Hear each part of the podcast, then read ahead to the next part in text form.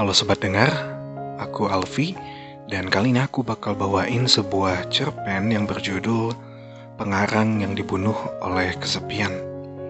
Cerpen ini karangan Rumadi dan dipublis di website basabasi.com jadi kalau kalian mau langsung cek cerpennya bisa langsung kunjungi aja websitenya dan ya selamat mendengarkan.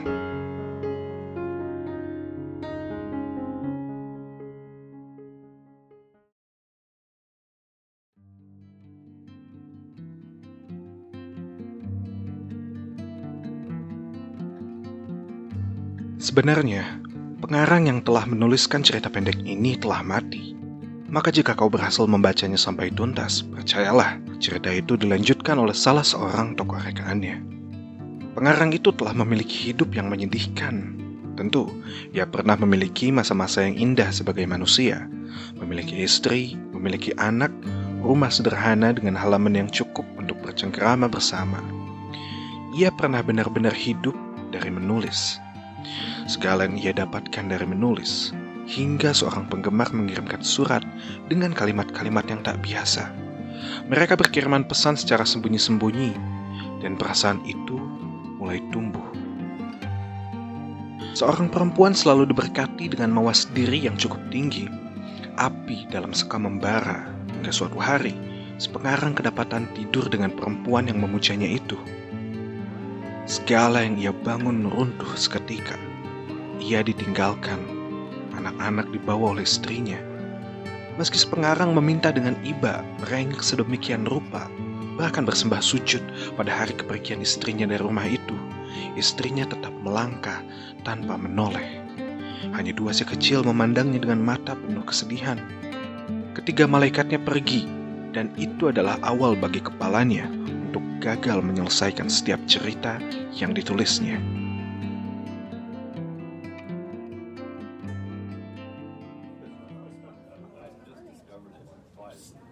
Untungnya, kehidupan penulis tidak terlalu disorot sebagaimana kehidupan selebritis. Berita tentang perselingkuhan si penulis memang sempat muncul di surat kabar, tetapi hanya sebentar belaka, dan rasanya jarang sekali orang yang membicarakannya. Kecuali, ya, para penggemarnya yang diam-diam suka mengamatinya dari jauh, bersembunyi di balik pohon sambil melihat kehidupan penulis yang mereka agungkan. Setiap pagi, Sebagaimana kehidupannya yang telah sempurna, ia masih memiliki kegiatan yang sama. Ia akan berada di depan komputer miliknya. Ketika memiliki keluarga yang sempurna, selalu ada saja ide yang mengalir di kepala. Ia tidak pernah kehilangan inspirasi. Ditambah, ia terikat dengan salah satu penerbit untuk menerbitkan buku-buku populer. Kepalanya kering ia telah melakukan segala hal yang ia ajarkan di kelas-kelas menulis, tetapi kata demi kata yang hendak ia ketik tak kunjung muncul. Ia sering kali mengatakan kepada setiap peserta yang mengikuti kelasnya bahwa tidak ada yang namanya tidak ada ide.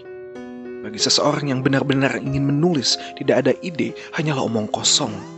Hanyalah suatu pembenaran terhadap sebuah kemalasan.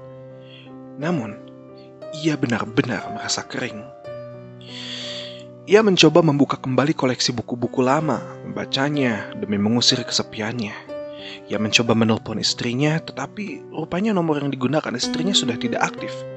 Kepalanya rasanya ingin meledak. Maka pada Sabtu pagi, ia mengeluarkan mobilnya, berusaha datang ke rumah mertuanya dan meminta maaf yang sebesar-besarnya. Betapa ia dikejutkan hal yang tak pernah diharapkannya. Istrinya pergi, yang bahkan mertuanya sendiri pun tak tahu ke mana mereka pergi. Ia marah-marah tak tentu arah. Ia mengembudi serupa setan yang mabuk. Ia sering kali ditegur pengendara lain dengan membunyikan klakson mereka dengan kencang. Si penulis dengan kebodohan seseorang yang frustasi membanding setir ke kanan, ke kiri, tak tentu arah.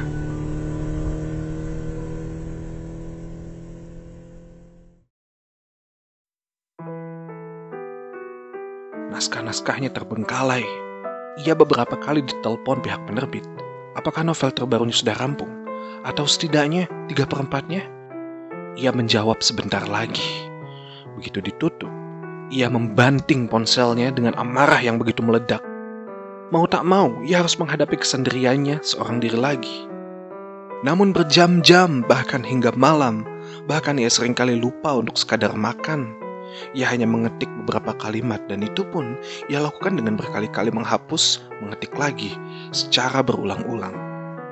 Ia biarkan rumahnya berserakan daun-daun. Perlahan, rumahnya yang menyendiri dari rumah-rumah yang lain menjadi seperti neraka. Daun yang jatuh di rumahnya semakin bertumpukan, menjadikan rumahnya seperti rumah yang tidak berpenghuni. Tak ada sehalaman pun yang ia selesaikan selama berminggu-minggu, dan ia diputuskan oleh penerbit secara sepihak, dan ia kehilangan mata pencaharian utama, menulis. Ia membanting piring, gelas, dan segala yang bisa ia lemparkan. Ia benar-benar di ambang yang tidak bisa ia kendalikan. Buku-buku berserakan dikarenakan ia mengambil, membaca tanpa mengembalikan semua buku itu ke tempatnya semula. Namun inspirasi tak kunjung muncul. Ia teringat ketika ia bangun tidur, rumah sudah rapi, kopi dan roti sudah tersedia di meja makan di samping tempat ia tidur. Seringkali ketika ia bangun, istrinya sedang membersihkan pekarangan belakang, kemudian membakar sampah daun kering.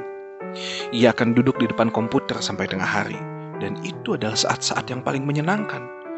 Sore hari, terkadang mereka berkeliling, mencari makan, atau sekedar untuk melihat pemandangan di sekitar rumah mereka ia semakin terpuruk ambang kenangan. Saat itulah ide gila muncul. Ia menghafal setiap karakter yang telah ia buat. Ia tahu apa yang mereka suka, apa yang mereka benci, termasuk pekerjaan dan rumah mereka. Ia mengetik surat, sebuah surat panjang yang menyatakan ia tak sanggup menulis lagi. Dan ia berharap kelak ada seseorang yang mau menuliskan novel terakhir yang sedang ia garap. Ia ingin penerbit yang telah memutuskan hubungan dengannya kelak akan menyesal. Ia mengirimkan surat itu kepada salah satu tokoh rekaannya sebagai sesuatu yang iseng. Ia tak pernah menyangka suratnya berbalas. Tak lama kemudian, ia mendapatkan pesan di ponselnya. Tokoh rekaan itu akan datang kepadanya dan akan membantunya sebisa mungkin. Hari yang telah dijanjikannya pun tiba. Lelaki itu benar-benar datang. Ia terbelalak ketika ia baru saja membuka pintu.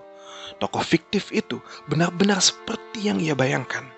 Rambutnya tegak lurus tipis, bahu dan dadanya yang bidang, dan ia memiliki bibir sebagaimana lelaki yang tegar. Ia sedikit tersenyum, saling berjabat tangan, kemudian masuk ke dalam rumah. Si pengarang dengan sibuk ingin menjamu tamunya, Sebagaimana yang ia tulis dalam novel sebelumnya, tokoh rekaannya itu merupakan penyuka kopi pahit, secangkir tanpa gula. Ia mendadak lupa sudah tidak ada lagi istrinya di rumah ini. Maka ia mengacak-acak dapur, mencari biji kopi yang tak kunjung ia dapatkan.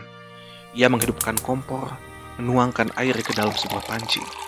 Dapurnya agaknya masih terlihat tampak bersih jika dibandingkan ruangan yang lain. Ia masih belum menemukan biji kopi Sampai akhirnya ia menemukan dua saset kopi kemasan. Ia lihat tanggalnya sebentar. Sudah kadaluarsa dua bulan. Ia memilih masa bodoh. Ia tetap menuangkannya dan menyajikannya untuk mereka berdua. Si tokoh tersenyum dan berucap terima kasih ketika si pengarang memberikan secangkir kopi untuknya.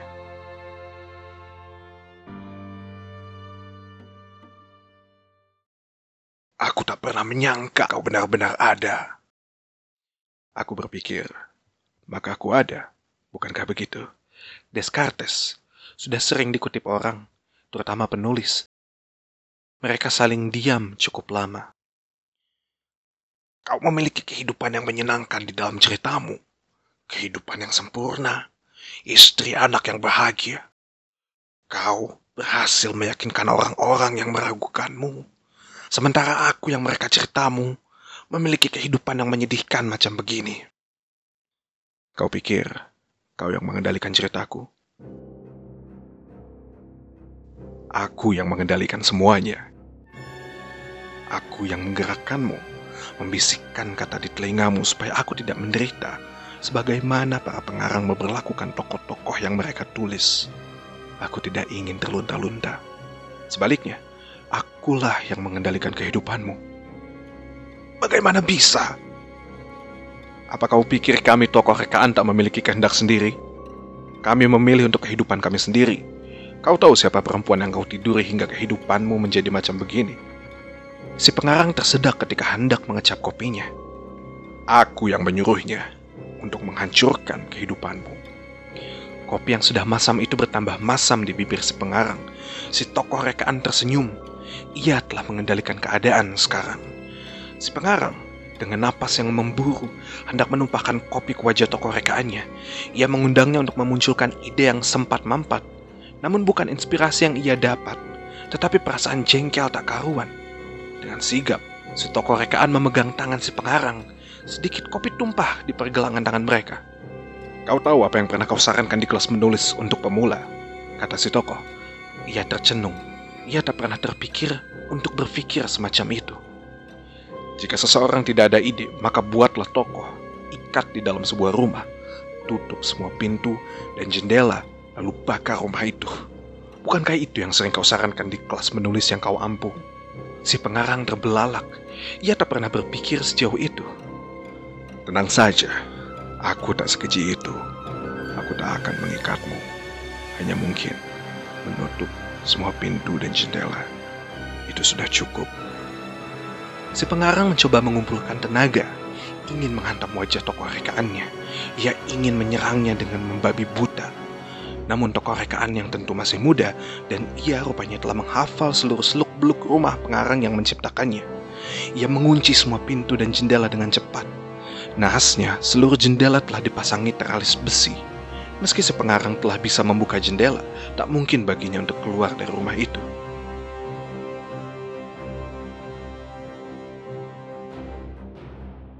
Begitulah si pengarang itu mati.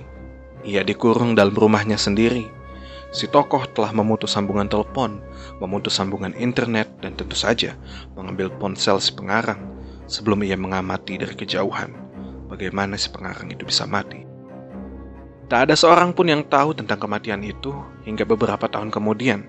Berita di koran-koran termasuk para penggemarnya mengatakan bahwa pengarang itu telah mati karena beban pikiran yang menumpuk di kepalanya. Pembaca sepertinya memahami perselingkuhan yang tak direncanakan itu membuat rumah tangganya berantakan, membuat ia sedemikian merasakan tekanan batin. Hingga akhirnya, si penulis memilih untuk mati dengan cara mengurung diri. Maka jika kau membaca cerita pendek ini, cerita ini diselesaikan oleh tokoh rekaan si penulis sendiri. Cerita ini diselesaikan tepat ketika si pengarang itu sudah hampir tidak bergerak lagi.